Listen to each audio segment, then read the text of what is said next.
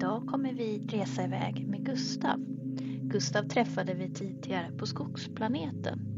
Om du inte har hört det avsnittet så gör det ingenting. Det enda du behöver veta är att Gustav har en mamma och en pappa som älskar honom jättemycket. Och en gång så drömde de samma dröm. Nu börjar den nya sagan.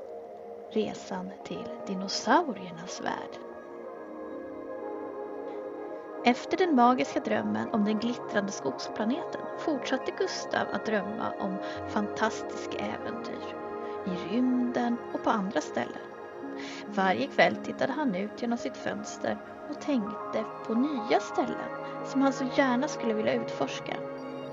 En natt, en natt när stjärnorna var särskilt klara och det var kallt ute började Gustav tänka på en plats där tiden hade en annorlunda rytm.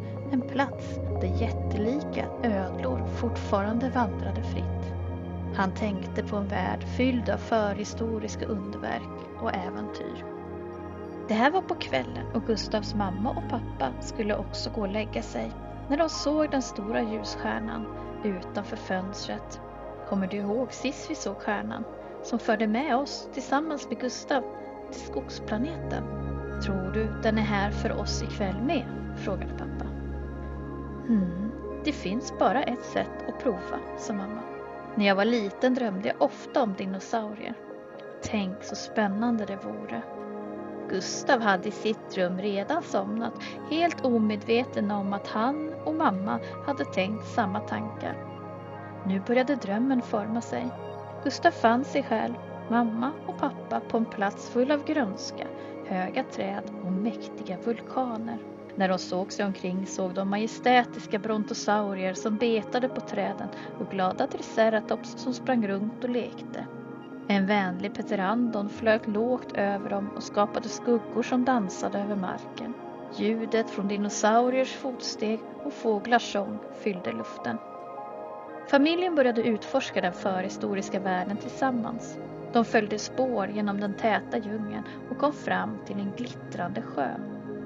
Vattnet var så klart att de kunde se fiskar simma i den.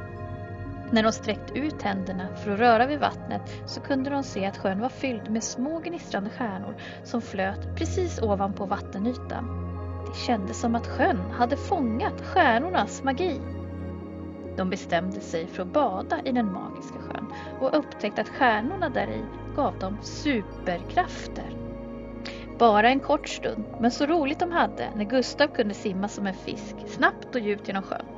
Pappa kunde flyga som en peterandon högt upp över träden och mamma blev stark som en T-rex. Flera gånger hoppade de ner i sjön och visade sedan upp sina krafter för varandra. Mamma bröt ett fallet träd mitt i tu. Pappa flög högt upp över dem och tog en bild med sin telefon och Gustav plockade de finaste snäckorna från sjöns botten. När kvällen kom gjorde de upp en liten brasa vid stranden. Pappa visade mamma vart hon kunde springa och hämta massor med frukt som de kunde äta.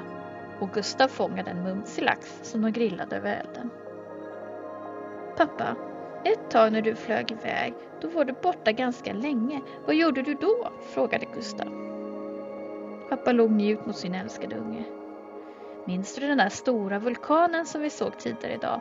Den med det mäktiga rökmolnet som steg högt mot skyn? Gustav och mamma nickade. Jag flög upp till den. Jag landade vid kanten och stod och såg ner. Och där nere såg jag bubblande lava. Då började det mullra djupt under marken. Jag blev så rädd. Mitt hjärta började slå jättesnabbt och så blev jag orolig, orolig för er och orolig för alla djuren som lever här. Mamma och Gustav såg på varandra. De hade inte hört vulkanen där nere vid sjön där de var. Pappa skrattade till. Ja, men sen, sen förstod jag att jag var rädd i onödan. När jag ansträngde mig för att andas lugnt och stilla, tryggt vetande om att jag kunde flyga ner därifrån när som helst, då förstod jag att det är så här vulkanen lever. När jag stod där uppe, då märkte jag att vulkanen mullrade till då och då. Jag tror den snarkade. När jag stod där och såg ner i lavan så såg jag plötsligt vid mina fötter en liten svart sten. Nu höll pappa fram den lilla svarta stenen mot Gustav. När Gustav höll den i handen så kände han att den pulserade och ibland lite kraftigare. Stenen andades vulkanens andetag. Ibland kraftiga och för det mesta lugna. Håll i stenen, sa pappa. Och när du blir rädd, kom ihåg att ta det lugnt och se efter. Se vad det är som skrämmer dig.